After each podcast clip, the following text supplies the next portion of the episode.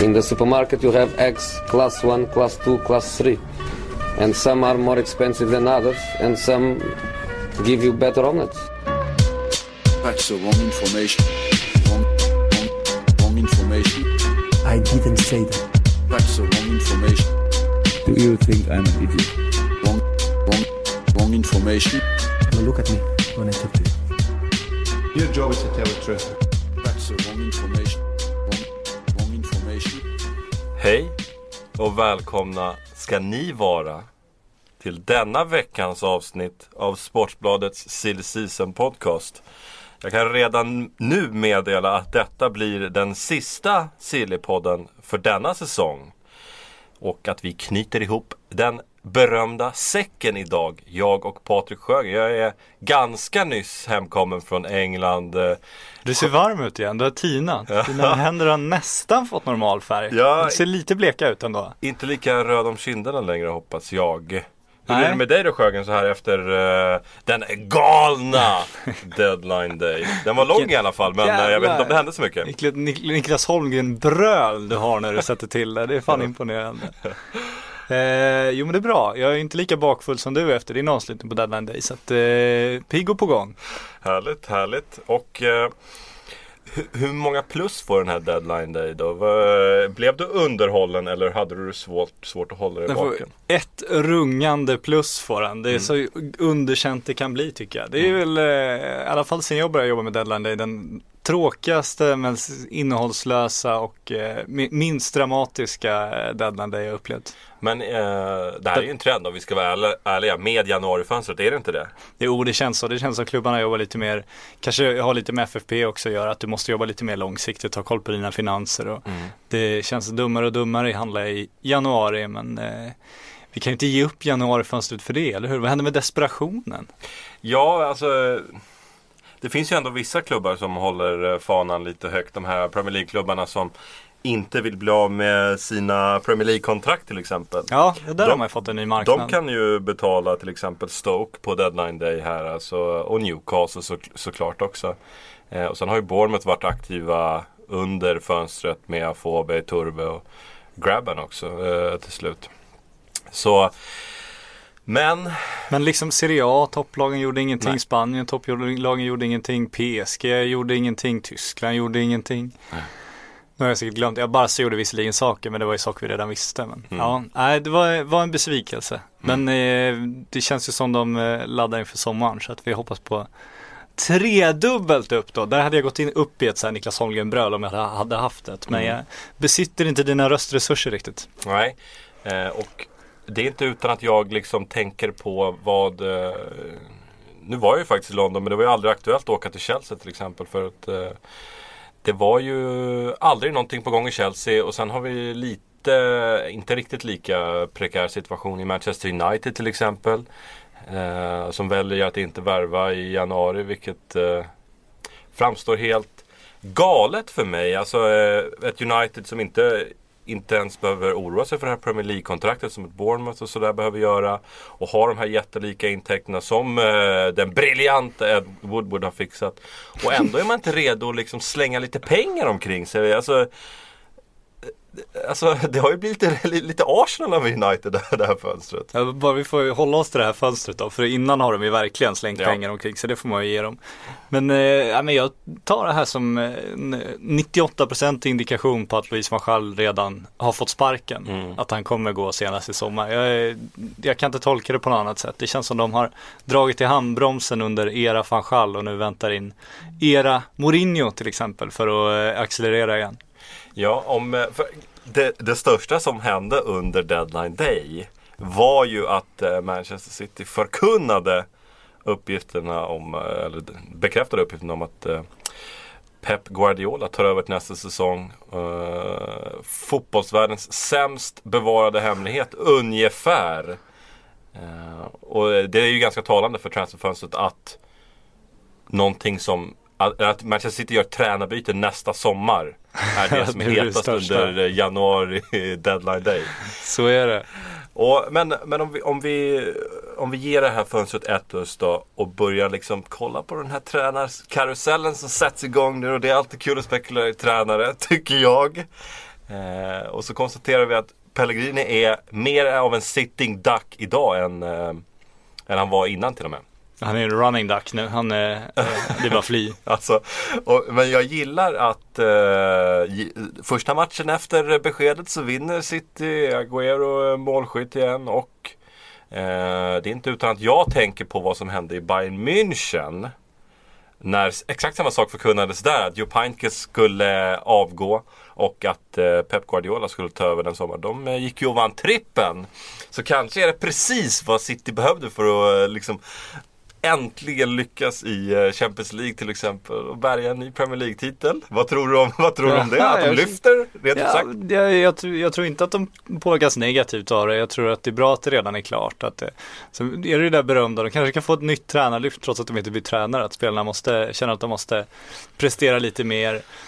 Kan också bli lite mer avslappnad situation, rena spekulationer. Men, men absolut, det, det känns som, eh, det håller absolut inte för osannolikt att City kanske kan skrälla som det ändå är i Champions League i år. De, eh, Om de får vara skadefria och ha sin bästa, sitt bästa lag så är de ju tveklöst ett lag som utmanar. Eh, en, en av få to- to- toppklubbar som värvade den här januari månaden värvade Anthony Cas- Caceres heter han. Kassan har varit på väg mot det här. Det hade varit betydligt Inte mer riktigt. intressant. Eh, en riktig monstervärvning från, eh, var det Central Coast Mariners kanske? Eh, gick på lån direkt till Melbourne City, samarbetsklubben där. Stort som helst. Eh, eh, anledningen som gavs till den eh, direkta utlåningen var att han inte har eh, något arbetstillstånd ännu. Sen kan ju jag liksom tänka, hur troligt är det att Caceres kommer att lira i Premier League? Denna 23-åriga mittfältare tror jag, värvad från australiensiska A-League. Ja, jag vet inte. Det känns som att de målade upp den värvningen som lite mer av den var. Central, jag tror att det var Central, vi säger att det var Central Coast Mariners, var ju otroligt stolta i alla fall över att ha sålt till Manchester City. City de målade ju upp det som att liksom English giant uh, Manchester City has bought our player, we're proud uh, and honored liksom.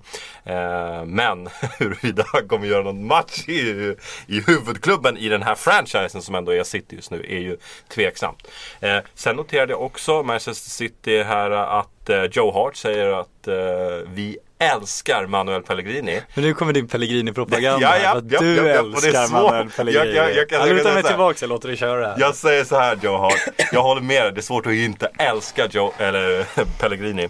Och vilken otrolig gentleman han är i allt det här. Eh, det är liksom Jupp Heynckes style. Det är, det är tillbakalutat, det är accepterande. Han säger på presskonferensen, jag vet att om det här är en månad. Det är inga problem. Men vad har han för val då? För går han ut och säger, jag är jättebesviken över beslutet, jag tycker att de har utnyttjat mig. Då, då krossar han ju snarare sitt varumärke och stärker det. Det. Det smartaste han kan göra är ju precis det här, bara hålla god min, hålla ut, ta sina miljoner och springa vidare. Alltså, du ska vara så cynisk. Så är det, är Jag- mitt jobb här. jag- Du är romantikern, jag är cynikern. Men om vi kollar på Pellegrinis framtid då. Som du säger, du är inne på att han håller sina aktier eh, hyfsat väl ändå med de här uttalandena. Eh, och det, alltså, han är ju redan placerad i Chelsea. Han är redan placerad i Manchester United. Eh, bland de lite mer galna tabloiderna i England. Ja, det, det vore ju en sensation om United tog killen Manchester City inte vill ha. Det kommer ju liksom inte hända. Kommer det går inte att nej, det går inte, det går inte att ta här? den prestigeförlusten. Det vore ju som att liksom skänka bort hela liksom kungakronan över Manchester och engelsk fotboll till City. Det, det går ju inte att göra. Jag, jag, jag är med om att det hade varit eh, inledningsvis dålig PR och det hade varit Alltså med, med, med tanke på hur upprörda United-fansen var över att eh, City fick Pellegrini liksom helt utan kamp här. Eh, så är, det ju upplag, upplagt för lite, lite storm eh, om, om man skulle gå för Pellegrini. Men vi, alltså, hur upplagt är det inte för värsta revanschhistorien här när Pellegrini Alltså tar du över vill bara ha United? Pellegrini, det kommer liksom inte hända. Så är det. Han kommer ju få åka till, till en, en bra klubb i Spanien, kanske kan ta Valencia liksom eller någonting sånt. Det kommer ju inte hända att han går in i United. Det vore ju fullständigt sensationellt.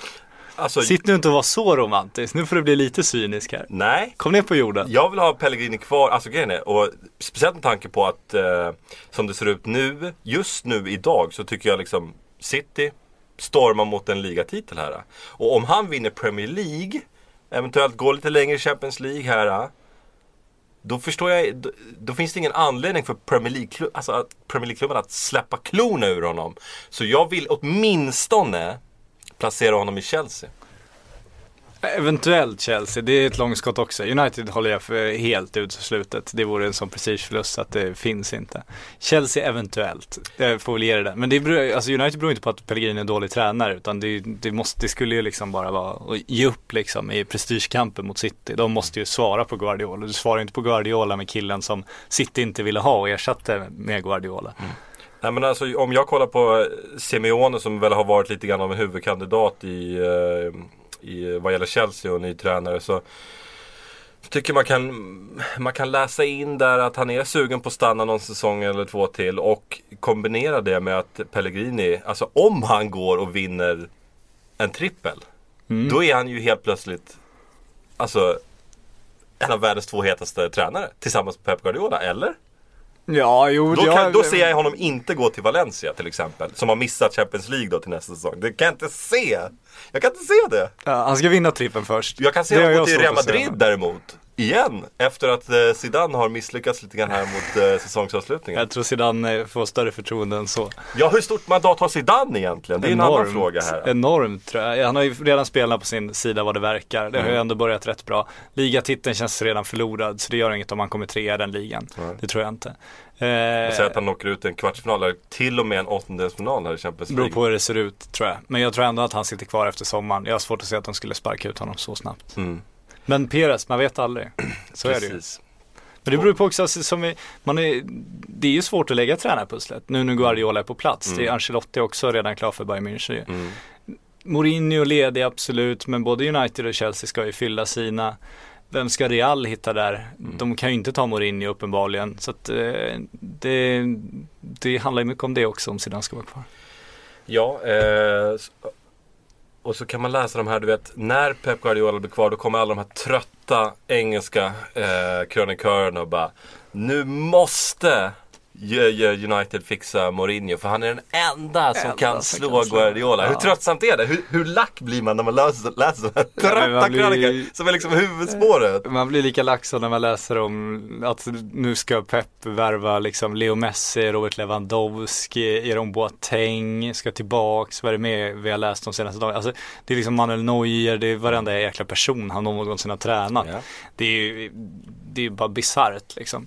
Ja, det är som om Sven-Göran Eriksson och så ska byta klubba och då ska Tobbe Hysén och Glenn Hysén hänga på liksom. Det är, det är så det är så fantasilöst det också. Det också. Men kan vi inte här i podden idag utlova att sommarens transferfönster kommer att bli ganska galet? Ja, jo men det, jag trodde ju det om vintern också. Ja. Men eh, det trodde ju till och med Arsene Wenger som är, är så försiktig i vanliga fall. Men den där tränarlösningen kom ju aldrig liksom. Alla Nej. blev satt ju så osäkra. Mm. Men jag håller med, sommaren måste bli galen för Pep Guardiola måste värva ett City. United Ja. Mm. ska ha ny tränare, de måste värva. Chelsea ska ha ny tränare, de måste värva. Det, det går liksom inte att blunda för nu. Och snart, jag sitter fortfarande och väntar på det. Mm. Snart ska ju Cristiano Ronaldo göra någonting. Redan i sommar ska Zlatan göra någonting om han inte stannar i PSG. Mm. Det kommer bli galen sommar. Sen ska Leo Messi göra någonting om några år. Hoppas vi. Ja, eh, ja nej men eh, sommaren blir rolig. Det vågar vi nästan utlova. Ja, för fan. Ge mig ett halvår ska jag få upp entusiasmen känner jag. Jag är helt nedslagen efter det här. Jag krossar min blå jävla saftblandare. Du förstår ju hur nere jag är. Mm. Ja, nej men jag, alltså. Just det här januarifönstret, jag väljer att se som liksom, lite grann av en, e- en engångstillfälle just med tränarfrågan som har varit så pass osäker. Men i sommar, jag ger Pep åtminstone tre värvningar till City till exempel. Och sen eh, ny tränare i United. Mm. Och sen, alltså, till och med Carlo Ancelotti kommer få en två namn i min bok också. Till Bayern München. Ja, det beror på vilka som rör på sig också. Om Lewandowski rör på sig kan det hända eh, rejäla grejer i Bayern. Eh, det beror på lite ut där också. Han är väl den som är mest, mest komplett truppen då. Han känns inte som han desperat måste ut och förändra där. Pep var ju också rätt försiktig när han kom till Bayern i början. Det var ju inte så att han rörde om i den grytan. Nej. Gjorde han inte alls under Bayern-tiden och Vidal som han tog i somras var ju tydligen inte ens hans värvning. Så att, eh, vi får se hur mycket han gör i City men det finns ju betydligt mer att göra i City. Yahya Touré ska ju redan vara på väg bort eftersom Pep kommer. Eh, och med han är det inte bara en defensiv mittfältsplats som ska fyllas utan det är liksom en stor spelstrategi som ska byggas om. Då finns det möjlighet att värva fler spelare. Mittförsvaret har jag också haft frågetecken kring. Så att, Någonting vi också ska nämna är någonting som blir klart eh, dagen efter deadline där Jackson Martinez eh, flyttar till eh, kinesiska Guangzhou Evergrande. För eh, drygt 300 miljoner svenska kronor, 42 miljoner euro eh, är jag ganska säker på var prissumman. Och det är ju ännu ett styrkebesked mot den europeiska fotbollen. För det här var en Jackson Martinez som var stekhet. En av eh, Europas hetaste anfallare när han gjorde flytten till Atletico Madrid i somras. Fick det inte riktigt att fungera i Atletico Madrid. Men är ju fortfarande en spelare som har kopplats ihop liksom bara i vinter med, med klubbar som Tottenham, som Chelsea en vända också. Och så kommer eh, Guangzhou och snor den här 26-åringen. Alltså, kinesisk fotboll den är liksom den är någonting helt otroligt just nu. Men jag tror också att det här var ett, eh, om man tittar på, på fotot när han presenterar så är mannen som står i mitten med det största leendet heter Jorge Mendes och är Jackson Martinez agent. Och han är inte bara Jackson Martinez agent utan han är en av Atletico Madrids närmaste medarbetare. Han har varit inne i Dojen Sport också som har hjälpt Atletico Madrid tidigare att värva spelare som Falcao till exempel. Det är han som orkestrerat hela Falcaos karriär. Jackson Martinez får dem till Atletico, det funkar inte, båda inser det. Eh, Atletico har gjort honom till sin näst dyraste värvning genom tiderna. De har inte en suck att få igenom pengarna om han skulle gå till Tottenham. De har inte en suck att få igenom pengarna om han skulle gå till Serie A. Vad gör Jorge Mendes? Han ordnar en italiensk lösning. Atletico får igen pengarna, Jackson Martinez får eh, x antal miljoner som muta för att liksom bara get out of the way. Och sen så rullar saker på som om ingenting har hänt. Jag tror att det är någonstans där man får hitta, hitta logiken i det här. Jorge Mendes, leendet i mitten, där, där står boven. Eh, det är helt otroligt just med tanke på liksom, uppgifter samtidigt som liksom gör gällande att Guangzhou inte är nöjda med Jackson Martinez utan också vill ha Alex Teixeira. Och det är ju liksom ännu en nivå upp här för det här är en spelare som liksom nästan var spikad till Chelsea innan Liverpool kommer in och liksom är nära, ganska nära ändå att få igenom den värvningen i januari. flög ändå dit så att då är man nära, det får man väl ändå säga. Precis. Absolut. Och eh, alltså är, är det här ett problem för, för europeisk fotboll på sikt? Liksom? Äh, just den uppvecklingen som eh, kinesiska ligan gör med stöd av regeringen, med pengar från regeringen, med liksom fotboll i skolan, obligatoriskt för ungarna. Det känns som att, att eh, liksom Även om inte folk kommer kolla på den kinesiska fotbollen så finns det en allvarlig konkurrent i Kina nu. Alltså, just med Teixeira, vilket får mig att liksom nästan tappa hakan. Alltså om den kuppen går igenom, då är det liksom, då är det en allvarlig utmanare här. Men jag tror också alltså, det, man ser ju på Jorge Mendes som har många av de här spelarna, som när han flyttar Falcao till Monaco, då var ju Falcao en av Europas hetaste anfallare. Han kastar honom till en klubb som liksom, är sån enorm osäkerhet kring, som inte alls var liksom, de var inte i Champions League då eller någonting. Eh, men allt för pengarna för honom och han kan ju övertala sina klienter. Det man kan se på Kina, absolut, det här med skolorna. Alltså, jag minns ju de här gamla Jan-Ove Wallner-bilderna när man såg Mm. han går i kinesiska parker, varenda kines spelar pingis liksom. Och de blev fullständigt världsledande. Eh, vi fick höra någon skön anekdot från eh, svenska juniorlandslaget tydligen hade varit ute över i Kina nu och på något läger skulle sparra mot liksom jämnåriga och kineserna var helt överlägsna. Slutar med att en vaktmästaren i pingishallen kommer ut och sparrar mot svenskarna och är ungefär jämnbra med svenska juniorlandslaget. Ja. En skön skröna som dök upp. Eh, Men om de gör så med fotbollen, att liksom alla kinesiska ungdomar nu sätts i fotbollsskolor, vilket är på gång. Presidenten, det här är liksom en plan, en utstakad politisk plan att de ska, de ska få arrangera, de ska få nå VM, arrangera VM och vinna VM. Och han gör, han gör, han går in för det. Då blir det intressant om 10, 15, 20 år, då kan de bli en utmanare. Än så länge så lockar de ju uteslutande sydamerikaner som eh, vill tjäna pengar och sämre svenska spelare som vill Ja. tjäna pengar. Det är, europeisk fotboll står inte faller med om Alex Teixeira går till Liverpool eller till Kina. Men absolut på sikt. Idag är det snarare en, en eh, stor pengamaskin för eh, några få agenter som faktiskt har börjat skicka folk dit. Ja, för det här är liksom den nya världsmakten. Liksom efter USA, Kina tar över, inte, ba, inte bara fotboll utan även politiskt. Och det är också ett land som inte riktigt har liksom samma skrupler vad gäller att kasta pengar omkring sig. Kanske är jag ute i fördomslandet just nu. Men det känns som att det, alltså pengarna från Kina kommer bara bli ännu större.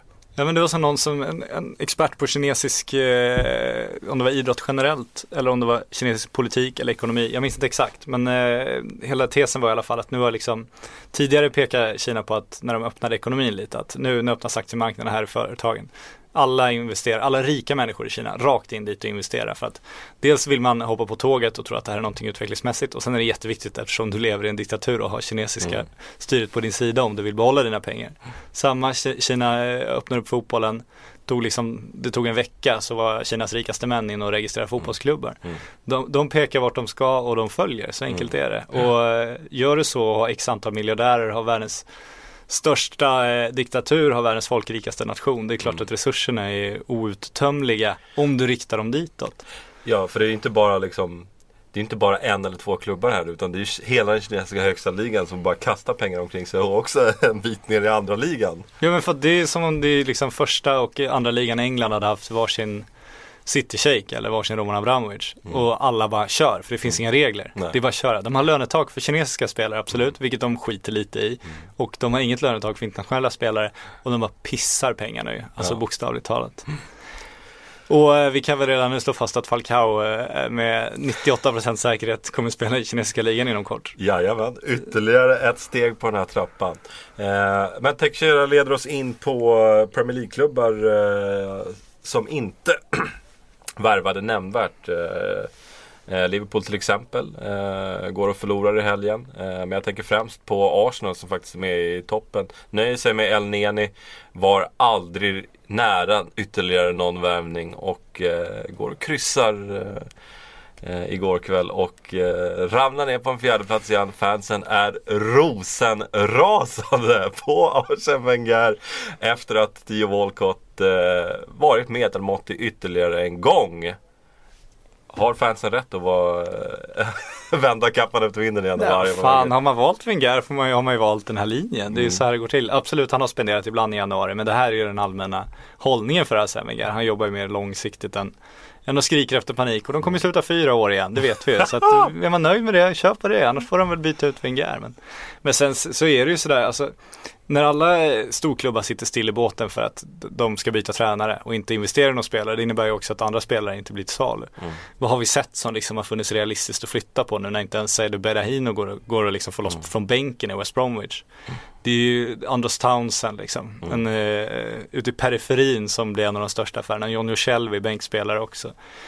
Den jag tycker borde gjort något är ju Liverpool, så jag tycker borde huggt Alex Teixeira.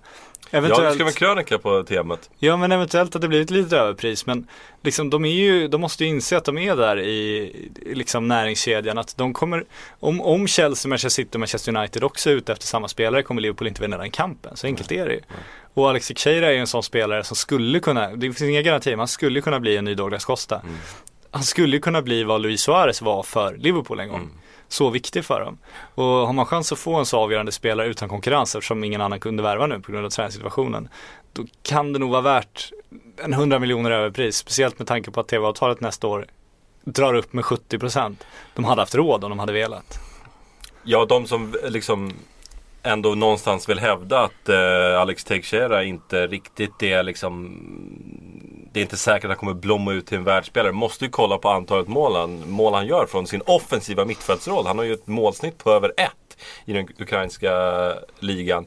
Och inte nog med det utan han är ju också liksom imponerande i Champions League. Och då, eh, alltså, jag tycker det finns en god garanti där för att han kommer växa ut till en av Europas 25 bästa spelare. Jag menar det man vet, han gör mål i ligan, ja ukrainska ligan lite sämre, absolut, men han gör mål i Champions League som du säger.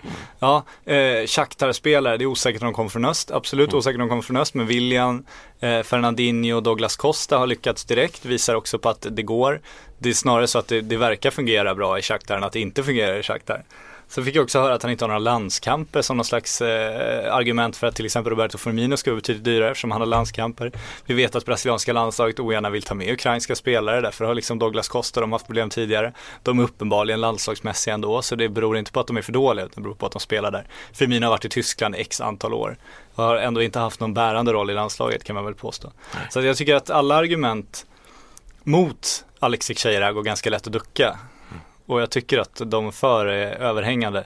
Inga garantier absolut, men det finns aldrig någon garanti när du värvar någon. Säger du, kan ju gå in sten och tungt på Fernando Torres som liksom är Englands ledande spelare och det kan gå fullständigt åt helvete. Så att det kommer det aldrig finnas. Men jag tycker att det var, är man i Liverpools situation och vill förvandlas från en klubb som slåss om Champions League-platser till en klubb som faktiskt har en realistisk ligachans.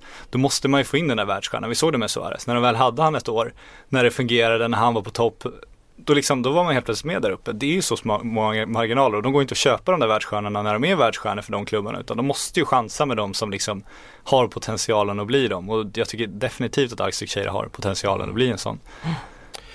Eh, någon vars potential eh, inte är lika garanterad kanske är ju faktiskt Seido Berahino som du nämner innan. Och vi måste ju spekulera i vad fan West Bromwich ordförande Jeremy Peace gör här. eh, som väljer att inte sälja honom trots ett bud från Newcastle på 24 miljoner pund. Eller vad, vad var det någonstans? Det var mer än sommarbud från Tottenham som de nobbade och, all, och då har han ändå suttit på bänken ett halvår nu. Alltså djupt inne i frysboxen och det är inte ens aktuellt att sälja honom. Alltså, eh, alltså just nu så måste det vara så att Jeremy Peace vill göra en poäng här. Han är redo att betala liksom han är redo att betala för 24 miljoner pund för att liksom straffa Berahino här. För att som jag ser det så tar han sig inte in i Tony Pulis lag i, i den här säsongen. Nej, Alltså vad är det han vill? Det känns så fullständigt, om jag var supporter skulle jag också tycka, alltså det känns fullständigt ansvarslöst. Det känns som han, han leker lite med, med, med klubben och liksom dess framtid på det här sättet. Det är klart att ska casha in så mycket på en, på en avbytare, alltså vad är problemet? Också jävligt oschysst mot Berahino, okej han har inte uppträtt perfekt men det är ändå en ung, ung kille, engelsman, utvecklingsbar.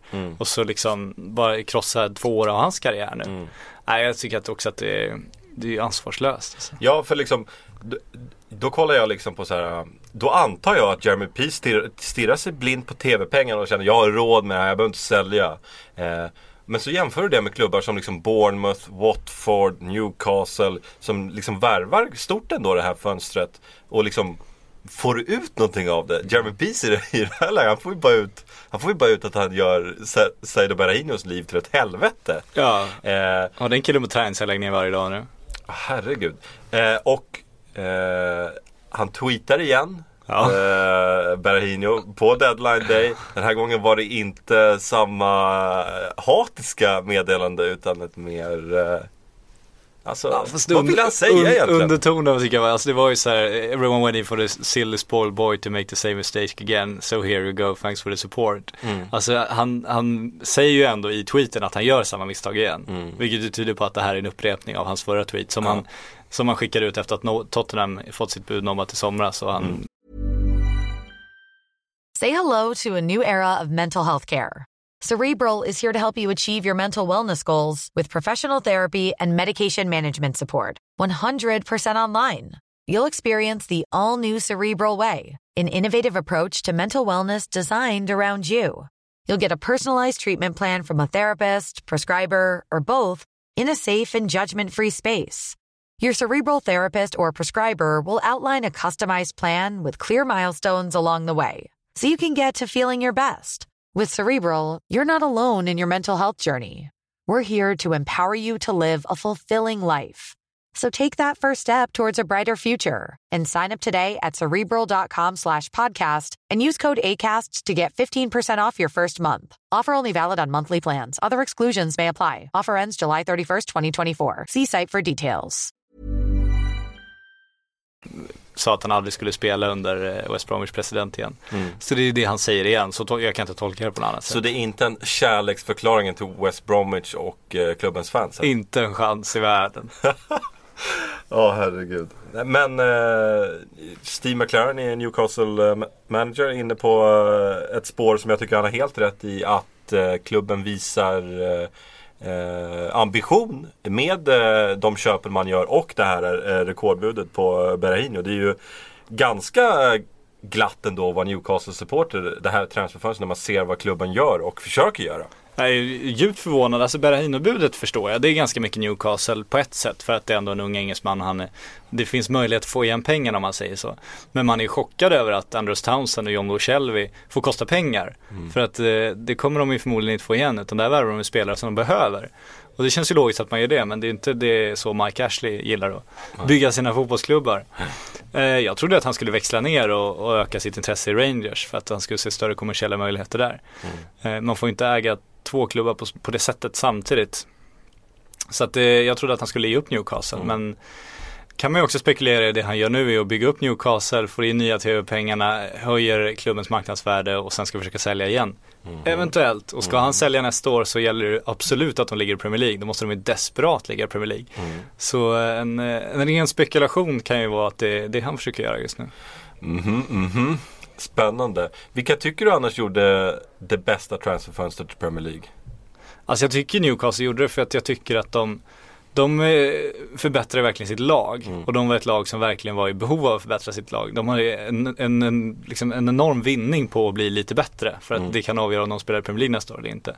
Därför tycker jag att de gjorde det bäst. Jag, alltså det det är inga kap de gör när de betalar så mycket för Shelby och, Townsend men jag tycker att det är värt det för dem. Få in Dombia också, Henri Savé har jag ingen som helst uppfattning om än så länge men han var ju bra på FM som man brukar säga. Ja, nej men han vet man inte om han, var bra, om han är en bra värvning eller inte, det återstår att se. Men han var inte så dyr heller. Så att jag tycker de har gjort det bäst. Jag vet inte, har du någon annan kandidat? Eh, jag har ju hyllat Bournemouth tidigare med Benica Fobe, Juani Turbe och Grabben. Och, men efter det så tycker jag också Watford har ju såklart växlat upp med Amrabat från Malaga där den gode shejken var tvungen att be om ursäkt för att han sålde honom. Det var ju Ser jag som ett riktigt kap. Sen har vi ju... Fick de tag på shejken då alltså? Vad sa du? De fick tag på shejken då Han tar ju bara till Twitter. Han Ja, det är så. Twitter. Jag vet inte vart han sitter i världen. Någonstans är han. Eh, nej men sen har vi ju Marius Su- Suarez från Fiorentina.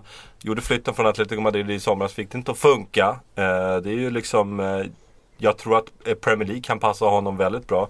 Eh, komma från den här Atletico-mallen som han ändå är stöpt i. Eh, krydda det med en målvaktsförstärkning i Pantilimon så, så tycker jag att Watford gör också ett eh, 4 plus fönster faktiskt. Eh, och är där uppe och touchar på femman. Eh, de har ju redan en eh, kanontrupp eh, med mål så det finns och blir över. Så Watford kanske... Mm, mm. Eh, i La Liga så hände det som sagt inte så mycket. Det största där kanske var att eh, Dennis Cheryshev lämnar eh, Real Madrid på lån till Valencia. Och det är ju annars en spelare som har kopplats ihop med Liverpool tidigare. Så mm, Det finns väl äntligen en utköpsklausul nu också tror jag som är realistisk till och med. Så att eh, förhoppningen är väl att han till slut ska komma bort från Real Madrid och faktiskt få spela fotboll. För eh, det finns ju stor potential i den. Den ryssen som ju liksom fan varit där sedan han var 16. 12 till och med tror 12. jag. 12 tror jag till och med. Han är eh, nästan halvspanjor nu för tiden. Ja. Så länge har han varit där i alla fall.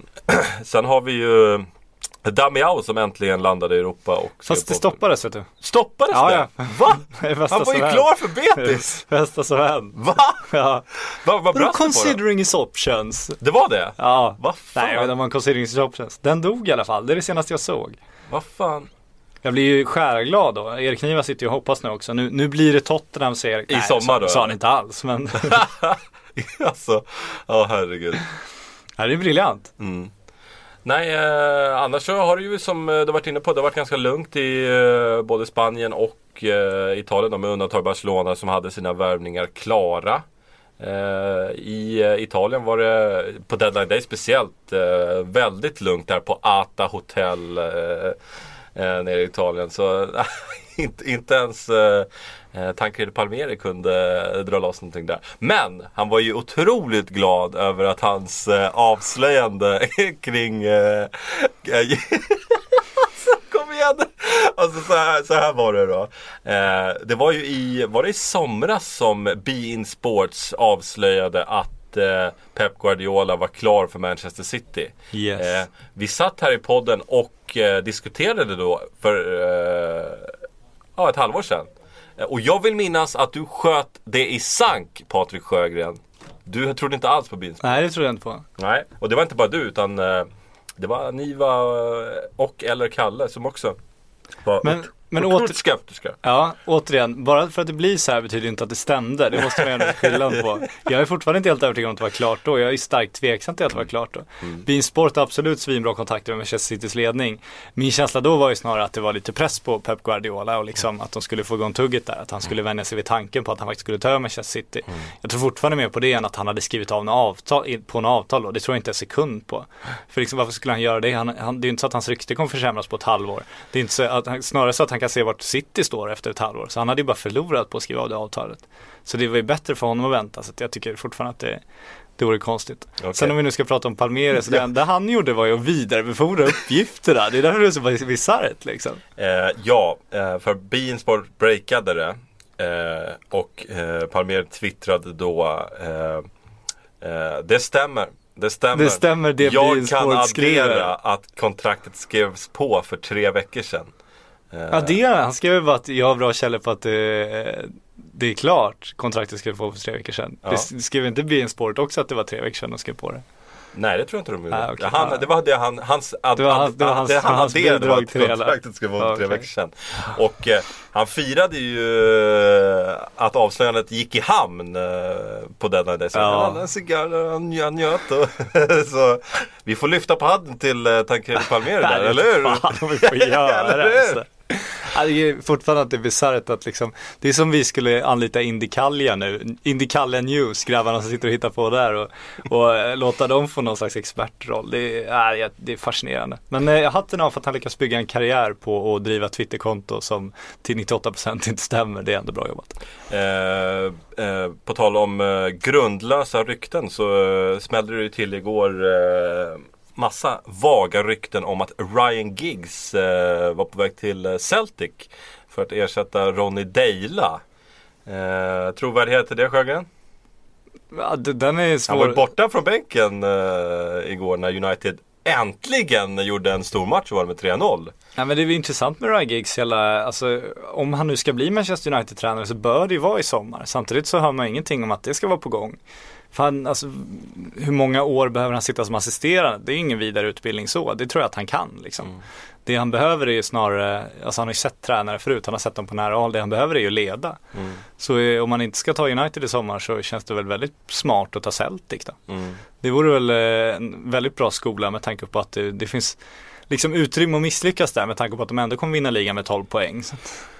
För att vad vi kan konstatera nu är ju att Ryan Giggs är chanslös att få jobbet i United med Guardiola i City. Alltså, Tvek, tveksamt ändå alltså. för mig var det dödsstöten alltså. Tycker du det? Ja. Men jag, jag, Du, du kommer inte undan som Ed Woodward att liksom kontra Citys Guardiola-värvning med att utse Ryan Giggs till manager i sommar. Men kan United-fansen kritisera en utnämning av Ryan Giggs som manager verkligen? Jag tror, ja det tror jag att de kan. Ja, Det jag tror att de kan bli rosenrasande men vi lämnar det upp till uh, Ja, för jag tänker att det är, det är det enkla sättet att slippa kritiken och ta en klubbikon som liksom ingen kan ifrågasätta att han får chansen. Jag, eh, jag tror att det hade blivit eh, uppror om de utsåg eh, Ryan Giggs. Men som sagt, vi lämnar det till lyssnarna Ja. och återkomma på hashtag Sillypodden. Eh, hade du blivit rosenrasande om kontringen på Guardiola är Ryan Giggs? Jag tror att du hade blivit det. Sjögren håller inte med mig. Nej, jag är inte lika säker som du absolut inte. Jag tror att han hade kunnat gömma sig bakom det faktumet på ett ganska smidigt sätt. Vad var det allra roligaste som hände på deadline day förresten? Ja, det var ju Remis helikopter som inte kunde lyfta. Det, det stämmer väl var förmodligen det här då? inte. Nej, men det var ju Sky Sport som var ute och Det var fäktade. det? Ja, absolut. Ja. Så de stod där, det, var ju, det blåste ju friskt i London som du Jag vet. var ögonvittne, eller stormvittne kanske man ska säga. Det, det blåste något otroligt, så helt otänkbart eh, håller jag det inte som. Men Sen det var, alltså- väl ingen lång biltur heller så att det kändes lite osannolikt. Eh, och det var alltså, remis helikopter startade inte, det var det roligaste. Det var det roligaste, Ja, det var ju tvärdött annars. Det var, det var så, sista halvtimmen av den deadline-sändningen är den, den, den trögaste jag varit med om. Det var, det var inga glada miner. Det var inte som det har varit eh, tidigare fönster när vi har kollat, hun, eh, kunnat hålla sändningen öppen liksom till 1-2 på natten. Det hade Nej, inte funkat. nej, alltså, en minut över tolv krossade vi den blå lampan och gick ut ur studion. Bokstavligt talat. Ja, det var, det var på den nivån. Ska vi ta lite lyssnarfrågor Sjögren? Det tycker jag absolut. Säsongens sista. Eh, eh, Hill Park undrar vilka kommer Pep att plocka in? Eh, och jag eh, var ju snabb med att säga att eh, tre namn ska in i alla fall. Och eh, någonting han definitivt... Ja, nu får du leverera här. Ja, nå- någonting han definitivt kommer behöva leverera är ju en mittback. Så Jerome Boateng kanske, direkt från Bayern München. Tillbaks till City. Precis. Under Guardiolas vägledning här håller jag det inte för otroligt. Han har varit där, misslyckats. Men en eh, revansch med Guardiola som tränare utesluter jag absolut inte. Vad ska vi mer pilla in där för Guardiola? Är lite- Alcantara är en favorit han har. eh, Ja, han är det ju om Bayern då kan tänka sig att släppa honom. Då kan man väl absolut följa med. Annars är Sergio Busquets nog en kille han skulle kunna tänka sig att få över också. Mm. Kan spela, han skulle nog kunna göra honom till mittback också om det skulle vara på den nivån. Det har han gjort med Mascherano tidigare. Så eh, den eh, tror jag inte heller vi ska stryka. Eh, nej, och kommer eh, kanske Neymar till och med att bli lite mer eh, trolig för City att plocka hem? Neymar har väl ingen större kontakt med Guardiola men han var Nej. ju ute och sa att det är en drö- dröm att spela under Guardiola. Precis. Så att precis. eh, han gör ju vad han kan nu för att hålla alla öppnar upp där inför sin eh, kontraktsförlängning. Eh, det blir ju intressant också om Leo Messi någon gång ska röra på sig. Mm. Om han nu skulle lockas av tanken på att bli liksom världens mest omtalade fotbollsspelare också. Om, om Neymar skulle växa lite, Barca blir lite obekväm.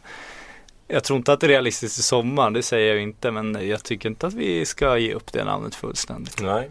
Ett supernamn i Messi eller Neymar och sen fylla ut det med en Boateng och en Busquets eller en Alcantara kanske. Mm. Ja, ja, för Messi är ju bästa polare med Kun Agüero mer eller mindre. Hans tjej är extremt nära kompis med Cesc Fabregas eh, flickvän som numera finns i London. Eh, det finns många band till England redan. Jajamän. Eh, Pontus A Sundberg skriver Vilken toppstriker är rimlig och bästa alternativet för Arsenal att plocka in till nästa säsong? Eh, alltså en, eh, ett, en ganska rolig och inte alltför orimlig eh, striker är faktiskt eh, Benica Fobe igen. Eh, killen som fostrades i Arsenal men aldrig liksom tog sista steget där och då under Arsene Wenger. Sen har han ju öst in mål i de lägre divisionerna innan Bournemouth plockade upp honom nu och han har ju börjat göra mål direkt. Han gör ju mål liksom i varje match nu. Tror så- ändå Arsenal-fansen hoppas på något lite större namn.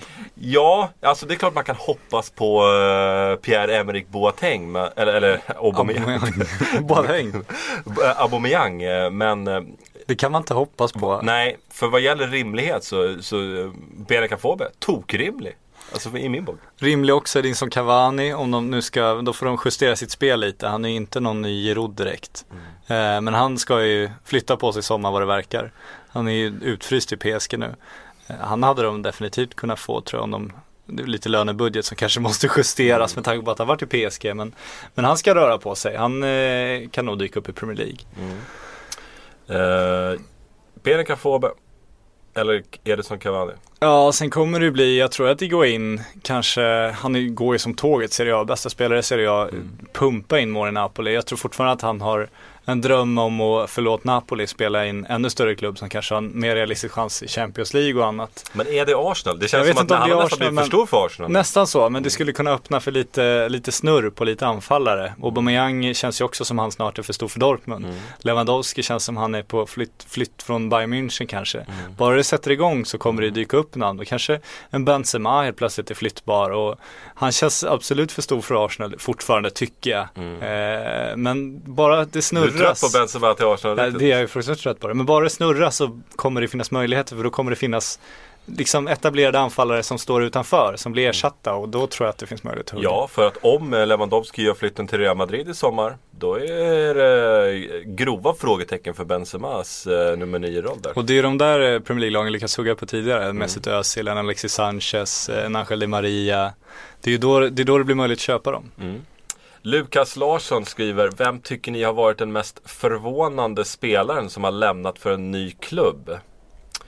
Ja, Jackson Martinez. Ja, den smällde till. Den var, alltså, där är ju destinationen som är helt otrolig. Men också att han ger upp eh, Efter Atletico efter ett halvår, Mm. alltså deras näst dyraste värvning genom tiderna. Fått chansen, inte gjort det bra, men har ju potential. Han hade ju tid att ge den rejäl möjlighet det där. Mm. Det, efter ett halvår ger både han och klubben upp det. Det, det var, ju- tycker jag var extremt förvånande.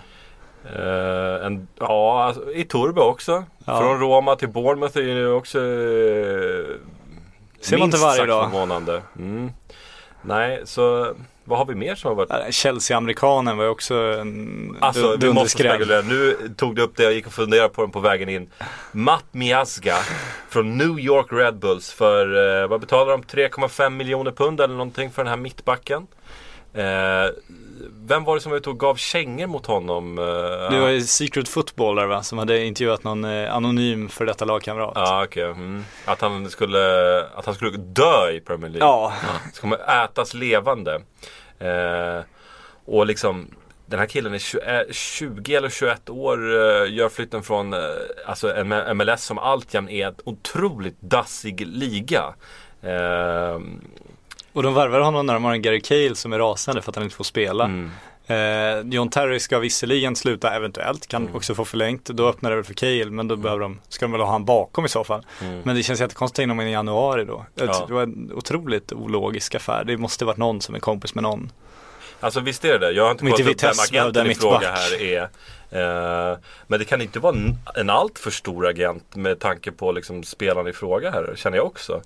Eh, och eh, Fox Sports liksom uppgav direkt att han skulle, han, är, han blir direkt en del av senior eller A-lagstruppen och alltså hela, hela grejen låter helt otrolig.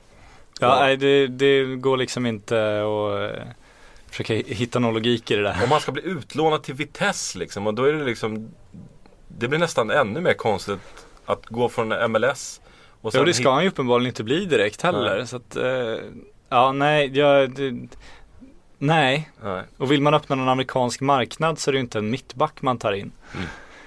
Nej, den, den blir spännande att följa vad som händer med Ja, den gode verkligen. Miazga. Det- eh, En sak som är klar är ju att eh, den amerikanska fotbollspubliken som ändå är ganska livad blev ju otroligt upphetsade över eh, den här värvningen. Men jag tror att de i längden kan, eh, kan bli lite besvikna. De kan sätta fick lite hybris där. Oj vilka backar vi producerar som går direkt Det till som, Chelsea. som Jag tror- australiensarna som skickar eller, eh, spelare direkt till Manchester City. Det. Exakt. Eh, Ali Musa skriver, eh, tror ni att Zidane ska göra stora ändringar i laget på sommaren? Eh, och jag tror väl inte att han ska göra det. Jag tror att, eh, eller jag vet att Real Madrid har en väldigt bra trupp. Eh, men jag tror som sagt eh, ganska hårt på att Robert Lewandowski kommer att göra ett seriöst försök på i sommar. Annars kommer man gå efter en annan eh, eh, eh, alltså etablerad nia. Eh, kanske krydda det med en vänsterback för lite bredd på Marcelos position. Men annars så tror jag att det blir ganska lugnt i Real Madrid den här sommaren faktiskt. Om de får värva. Det återstår att se. De kommer få värva. Ja, eventuellt. Jag slår fast det här. Ja, det kan du få göra. De- de Då kan vi kasta in David de Gea också i så fall. Mm. Eh, står KK kvar vid Spurs träningsanläggning? Vem blir det? Dembele eller Berahino? Undrar. Martin Tholén, vår kollega här. Eh, j- eh, nej, jag sitter faktiskt här i poddstudion. Han kuppar in den. Men alltså jag var ju Alltså om vi ska återvända till det här. Hur kan du, har du sagt åt honom att skicka in den här frågan så du kan få prata om det här igen? Eller hur har det här gått till? Nej, jag har faktiskt Vad fick han betalt Jag för det har här? ingenting med det här att göra. Eh, men faktum är ju att eh, Alltså Kvällen innan när, eh, när man vaknade upp på morgonen där så kändes det som att alltså, Alltså ska vi ta det här? Måste var, du rättfärdiga det här igen? Du åkte fel! Tottenham var på jakt efter en anfallare hela fönstret och eh, Sen måste vi, under hela sändningen så sa du ju så här att det inte var du som bestämde vart du skulle Mm. åka. Vem bestämde vart du skulle åka? Jonathan jo, eh, Jonasson som eh, är, eller var eh, ansvarig för sändningen. Ja, gick du in och sa till honom, du det händer svin mycket i Newcastle, kan vi ta tåget upp och ner bara? Eh, nej, eh, jag Det tror du inte. resan bokades till att börja med för två veckor sedan. Ja. Eh, och utan min vetskap faktiskt. Det damp ner i eh, min mail. Eh, flygbiljetter och hotell Ja, i London. ja. Så jag är helt oskyldig. Och så gjorde jag det absolut bästa av eh, situationen. Det bästa, det var ju, alltså, ja nej. Du åkte fel, igen! Tottenham var på, Igen! på an, anfallsjakt. Och vi fick ju svaret när du går ner på den där puben och de vet vad du heter liksom. Och hon bara kommer fram direkt. Oh Christopher, here again, Here same again." as every year. Fan, Ja, de har fått svara varför du åker dit ja. Ja, jag har, jag har varit och eh, jagat spelare i Arsenal också. eh, Ja men då hittar med- du ju inte så jag förstår ju varför du, varför du är vid Tottenhams träningsanläggning. När det står vid Emirates och väntar på att det ska komma någon. Det är bland det mest bisarra också. Ja, jo, jag vet, jag vet. Men när Özil blev klar för eh, Arsenal så eh, finaliserades ju den affären på eh, Emirates, inte ute på träningsanläggningen. Är viktigt att notera. Så då åkte du rätt den gången också kände du? Ja. Johan Lentorp eh, undrar hur ledsna är vi för att Falcao inte fick igenom sin Madrid-flytt trots att Jackson Martinez drog till Kina? Falcao är nog bedrövad. Jag tror att han framförallt är rejält förbannad på en viss Jorge Mendes som ju företräder också honom. Eh, men Falcao kan väl trösta sig med att han kommer få åka till Kina också. Det blir väl roligt. Så roligt vet jag fan om det blir. Felix Envall skriver, vad händer med Kane, Vardy och Mares till sommaren? Klarar Spurs och Leicester att hålla emot eller får de gå? Eh, om vi börjar med Leicester-kolonin där så tror jag att eh, man har eh, goda chanser att behålla Vardy nu när man ger honom den här eh, dubbla lönen och nytt kontrakt. Eh, Vardy har ju liksom åldern emot sig där lite grann också. Jag tror att han är ganska nöjd med att stanna i Leicester. Eh, Riyad Mahrez däremot eh, blir betydligt mycket svårare för eh, Alltså match på match på match så är han liksom eh, planens bästa spelare. Alltså, han är så otroligt bra. Han, han, går in i vilken klubb som helst i, i Premier League till att börja med. Eh, och många andra storklubbar ute på kontinenten. Eh, Mares tror jag blir svår. Eh, jag tror att han kommer gå till en större Premier League-klubb eh, i sommar. Var det blir kvar. Harry Kane. Mm, den är lite svårare faktiskt. Eh, det beror ju på Eh, Tottenham sitter ju i en jävla position där. De behöver verkligen inte sälja. Eh, så den är också svårlöst tycker jag. Det ska vara United som pungar upp eh, ett rekordbud i så fall. Jag tror också, Wardy tror jag, jag tror inte han är så het på marknaden heller om Nej. man ska vara eh, fullständigt ärlig. Mares absolut steket, kan gå var som helst. Eh, United, Kane, vad händer om, om Rooney inte hittar formen? De behöver få in någon ny talisman, någon ny ikon, någon ny engelsman, någon ny anfallare då eh, kan det bli åka av kring Harry Kane tror jag. Mm. Jag tror inte att Real Madrid kommer rycka Harry Kane direkt utan det är nog, som du säger, om United kliver in där. Mm. Uh, Dennis Johansson skriver, kommer sommarfönstret bli det galnaste någonsin? Kommer flashen att bli en del av bloggen också i framtiden? Sommarfönstret till att börja med så kommer ju sommarfönstret, det kommer bli galet. Ja det hoppas det jag verkligen. Det, det kommer bli galnare än vinterfönstret i alla fall. Ja men folk ska göra saker, även PSG ska ut och agera rejält. Mm. Dels om de ska ersätta Zlatan, vilket vi fortfarande, eller om man tvivlar lite, det känns som man kan få förlängt, men det är ändå någon ny som ska in där. De ska i alla fall ersätta Edinson Cavani. Mm. Det är en uppgift så stor som någon. Mm. Eh, addera det till alla de här som har skaffat ny tränare så, så lovar det gott. Förutsättningarna finns i alla fall för att det ska bli det galnaste någonsin. Mm. Flash vet inte fan vad han menar överhuvudtaget. Så. Nej, att, flash, att vi skulle ha någon slags GIF i, uh, i bloggen kanske. Ja, eller om vi ska flasha i mobilen eller om det är den blå saftbladan. Jag vet inte. Vi, ja. vi kräver ett förtydligande, så ja, ska vi svara på frågan. Det gör vi, så svarar vi på Twitter. Eh, Fabian Olsson skriver, borde United gjort några värvningar i januari eller gör de rätt i att vänta till ny coach. Och här tycker jag, jag tycker att de gör fel som inte värvar i januari. Eh, för att United är inte bara en Premier League-klubb vilket gör att de har ett miljardavtal eh, med Sky Sports. Utan Eh, de är också eh, den klubb i världen som drar in tredje mest intäkter. Så eh, de sitter på en skattkista och borde slänga pengar omkring sig för att försöka väcka liv. Nu var det ju lite liv här senast, men de borde ha slängt pengar omkring sig för att väcka lite liv i den här truppen som faktiskt riskerar att missa Champions League. Jag tycker de gör rätt som inte spenderar. Jag tycker att, inte håller med Ja absolut, ska man byta tränare tycker jag att det, det känns idiotiskt att ruska om en spelartrupp med, med svindyra nyförvärv. Då är det bättre att sitta still i båten. Jag tycker de har tillräckligt bra trupp för att säkra en Champions League-plats. Jag ser inte vad som finns på marknaden som skulle förbättra dem så avsevärt så att det är värt att gå in med de överpriser som det hade betytt om Manchester United ska gå in och köpa någonting tungt i januari. Jag tycker det är bättre att hoppas eh, sitt innersta för att Fanchal ska lösa CL-platsen och sen växla om och gå in tungt i sommar. Emil Stjärnman skriver har Niva fortfarande ont i tänderna efter alla refreshers? Det hoppas jag verkligen. Det här, det här kunde inte jag följa men uh, han åt tydligen uh, ganska mycket godis och hade med sig en påse också. Alltså jag, det, det sjukaste är, han kommer med en påse. Vi har en helt full godisskål. Han kommer med en påse. Han har exakt samma godis i sin påse som i godisskålen. Vi antar att han har någon slags sponsordeal med godistillverkaren för han visar upp den där påsen gång på gång på gång. Och sen när jag tydligt påtalar för honom att det prasslar, alla hatar dig för det här. Mm. Vad gör människan då? Han ställer sig och skakar påsen samtidigt som Magnus Hedman innehåller en lång utläggning om Chelsea. Skakar den gör han och sen tar han upp sina godisremmar, lutar sig tillbaks och ler sitt allra innersta Grinch-leende. Vet du vad det är? Det, det är en superstjärna. Ja, ah, fy fan. superstjärna. Daniel Fast undrar, var tar den goda Bentner vägen i sommar? Eh, alltså, det är så sjukt krångligt. Jag eh, vet inte hur han ska lösa det. För han har fortfarande en hög lön. Wolfsburg betalar bra pengar för honom. De vill inget heller att bli av med honom. Han vill, vill också försvinna därifrån och få speltid.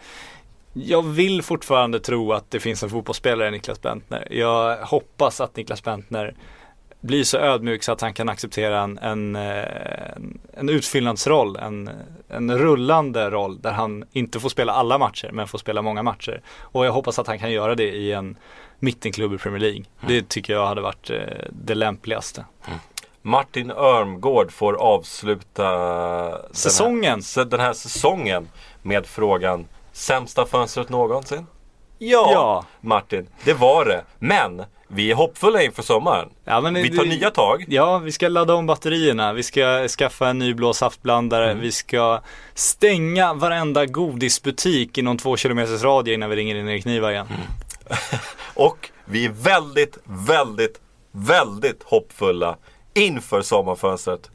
För vi är övertygade om att det kommer smälla, smälla, smälla.